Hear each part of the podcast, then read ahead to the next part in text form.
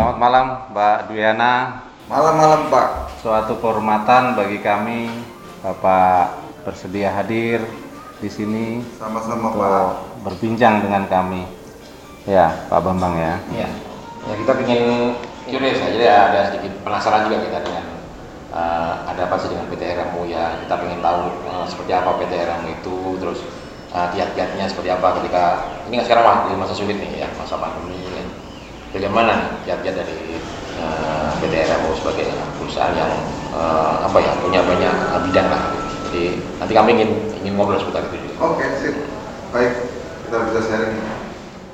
Baik, eh, mungkin yang pertama eh, kami ingin tahu Pak, eh, bisnisnya RMU itu apa saja dan eh, apa namanya, apa hal-hal baru, ada inovasikah yang eh, dipersembahkan RMU untuk customernya?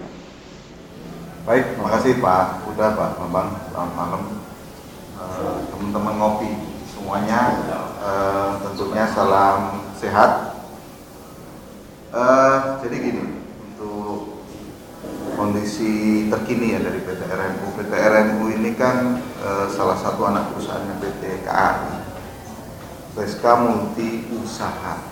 Jadi dengan multi usahanya ini sampai hari ini Reska punya 14 unit bisnis. Ini yang membuat eh, kami memiliki eh, jumlah pegawai termasuk salah satu yang terbesar di antara eh, enam anak perusahaan. Jadi sampai dengan tahun ini kita punya 13.000 pegawai di seluruh area yang ada di Jawa dan Sumatera. Jadi kalau eh, kita bicara dampak dari pandemi COVID ini, sama seperti induknya PT KAI, tentunya RMU juga merasakan dampak yang luar biasa. Dengan adanya penurunan frekuensi KA di PT KAI membuat eh, bisnis kami menjadi eh, turun juga. Termasuk bagaimana kami bisa men- eh, menjaga teman-teman kami yang 13 ribuan ini tetap beraktivitas sesuai dengan tupoksinya masing-masing namun dengan beberapa adjust terkait dengan masalah eh, remunerasi karena memang tidak semuanya beraktivitas normal. Ada beberapa eh, teman-teman kami ini yang cuma beraktivitas eh, karena memang keterbatasan frekuensi KA sehingga satu bulan mungkin masuk kerja hanya 8 sampai 15 hari sehingga kita eh, membuat kesepakatan kerja istilahnya eh, dengan mereka untuk bagaimana eh, kebijakan-kebijakan terkait dengan SDM dan remunerasi itu menyesuaikan dengan itu dan alhamdulillah sampai hari ini kami masih eh, berjalan lancar, survive dan tidak ada PHK karena itu menjadi satu pesan yang disampaikan oleh pemegang saham dalam hal ini oleh PT KAI agar bagaimana caranya dengan situasi yang sekarang tidak ada PHK di KAI Group. Itu satu. Yang kedua, dengan situasi PSBB, kemudian pembatasan-pembatasan di beberapa kota, ini membuat eh, akses kami dengan pelanggan ini jadi berjarak. Jadi pelanggan kami ini sebenarnya rindu reska, rindu nasi goreng, rindu minuman-minuman yang biasa mereka nikmati selama berjalan di atas KA karena ada pembatasan-pembatasan itu sehingga mereka eh, kesulitan mengakses pelayanan kami sehingga salah satu inovasi yang dilakukan oleh PT RMU adalah membuat terobosan dengan eh, aplikasi-aplikasi. Jadi kita membangun eh, aplikasi yang namanya Lokoma. Jadi kalau kita bicara eh, restoran on yang biasanya mereka menggunakan kereta api kemudian tiba-tiba rindu dengan makanan di atas kak, mereka bisa mengakses itu. Jadi bisa membeli makanan-makanan yang legend itu dengan mengakses Lokoma. Di dalamnya ada beberapa fitur yang memang mereka bisa mengakses itu. Kemudian Loko Cafe, sama mereka nggak harus hadir di Loko Cafe. Mereka bisa memesan menu-menu yang ada di Loko Cafe cukup dengan menggunakan aplikasi tersebut. Ataupun eh, salah satu unit bisnis yang kita kembangkan di tengah COVID ini adalah Rest Laundry, Rest Clean. Jadi teman-teman yang membutuhkan housekeeping di eh, apartemen atau di rumahnya mereka, cukup mereka kontak kami atau mereka akses dengan Lokomat, aplikasinya bisa di-download di aplikasi store sehingga eh, segala kebutuhan yang mereka butuhkan di rumah atau di mana pun itu bisa kami bantu dengan sangat mudah. Dan itu alhamdulillah membantu eh, kami membantu PT RMU di dalam eh, upaya kami survival di tengah masa pandemi. Tadi ada banyak lesson learn Pak ya di Siap. tengah pandemi ini terus kemudian bagaimana eh, to survive ya. Siap. Nah, kemudian ke depan, Pak, strategi bisnis apa yang Bapak mau lakukan? Kemudian terkait juga tadi eh, mungkin Lokomat mau Bapak kembangkan bagaimana ke depan? Ada bisnis plan apa, Bapak? Jadi gini Pak, udah Pak Bambang ya. Eh, kalau kita ngomong multi usaha ini, eh, akhirnya orang persepsinya cenderung semuanya mau diusahakan. Padahal sebenarnya riskan kan.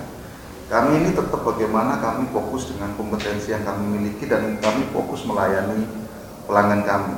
Jadi ke depan kami coba sederhanakan simplicity dari bisnis kami ini yang semula 14 hanya tinggal dua saja Pak. Oh ya. Satu adalah on-board service Oke. on-board service ini ya kalau sekarang kita ada on-trend restoran, ada on-trend klinik, Hmm. kemudian nanti ke depan kita coba usulkan KAI untuk on-trend security Pak, Hmm. termasuk on-trend eh, hospitality. Kalau di hotel ada namanya eh, amenities ya, Iya. passenger amenities. Kalau di kami kita coba layani ada namanya bantal, selimut dan segala macam. Bahkan kalau perlu nanti TV eh, TV on-trend pun kami coba akan Handle. usulkan untuk kami kelola. Oke.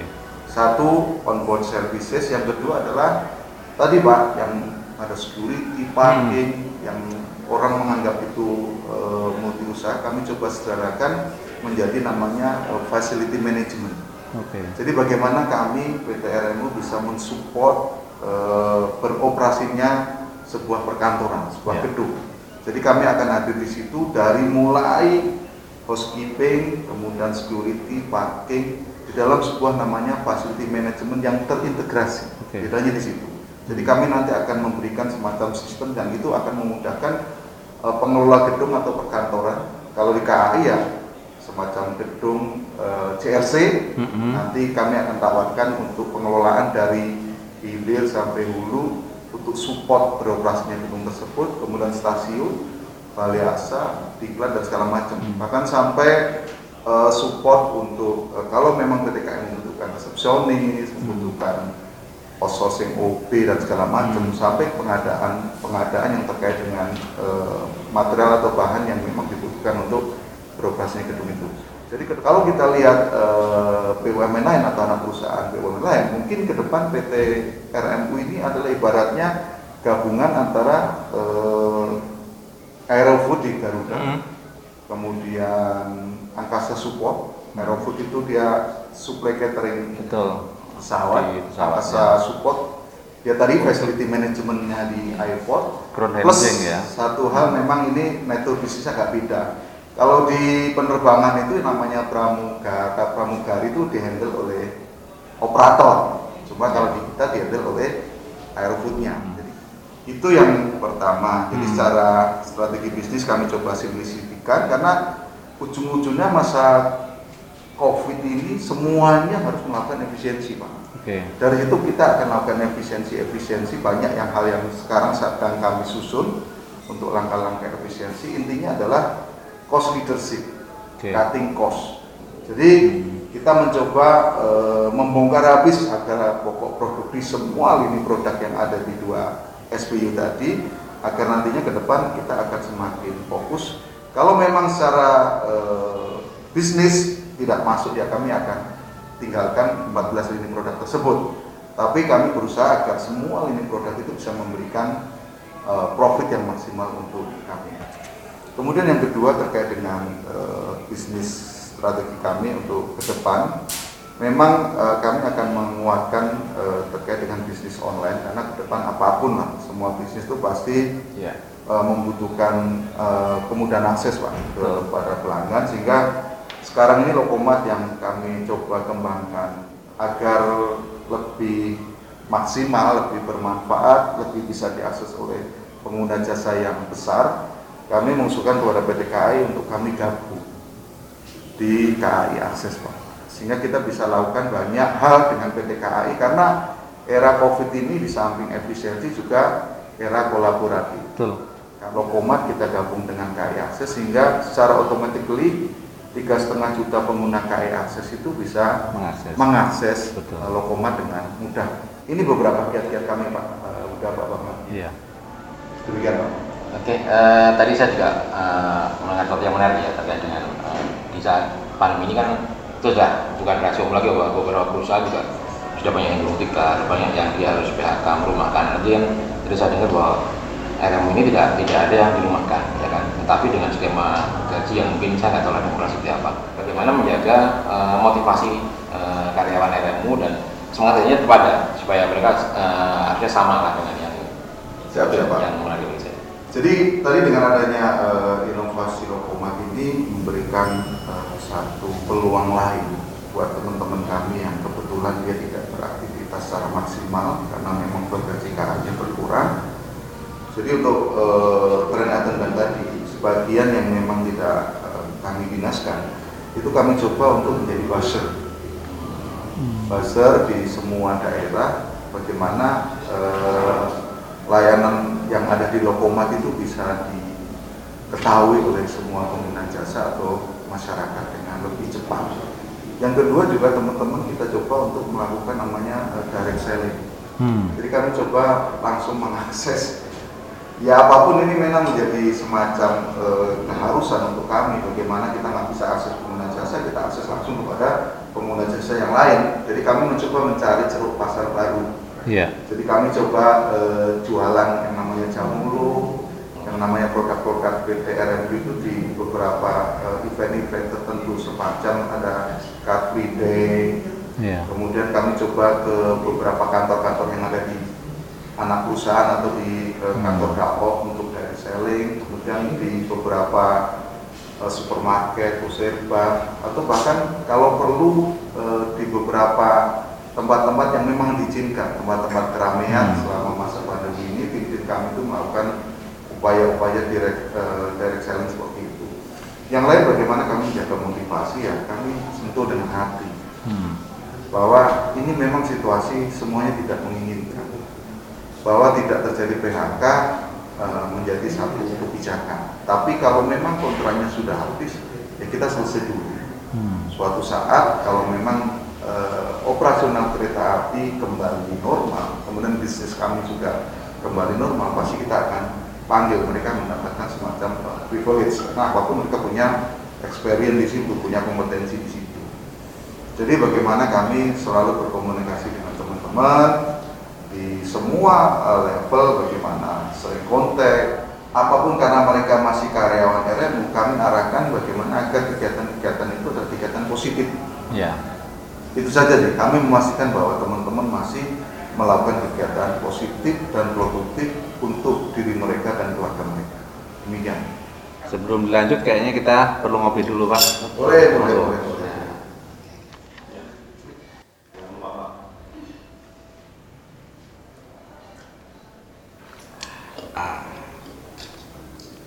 ngopi satu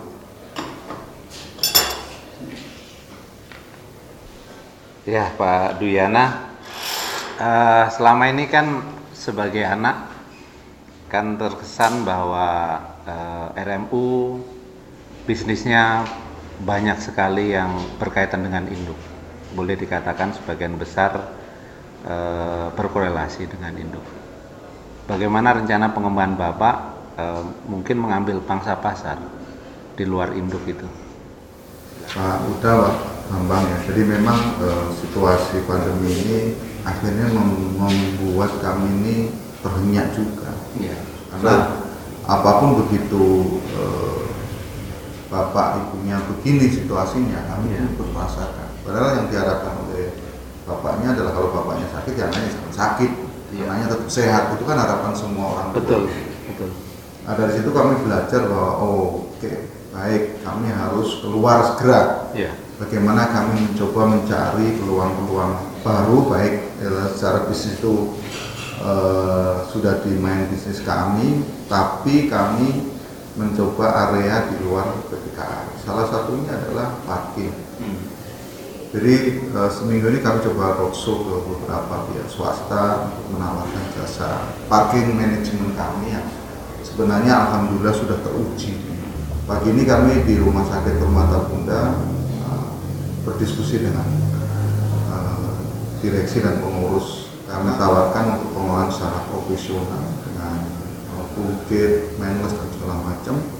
Dan mereka sangat mengapresiasi karena ternyata begitu dua hari kelihatan sekali bedanya dengan yang Yeah. dulu. Baik cara pengelolaan kemudian apresiasi dari pengguna jasa rumah sakit maupun dari sisi pendapatan. Ternyata lebih lebih oke dikelola PT RMU daripada pengelola jadi ke depan kami mencoba untuk membuat skema-skema yang sekiranya adalah win-win solution kalau selama ini mungkin skema parking adalah kami sewa kepada eh, pemilik lahan Iya.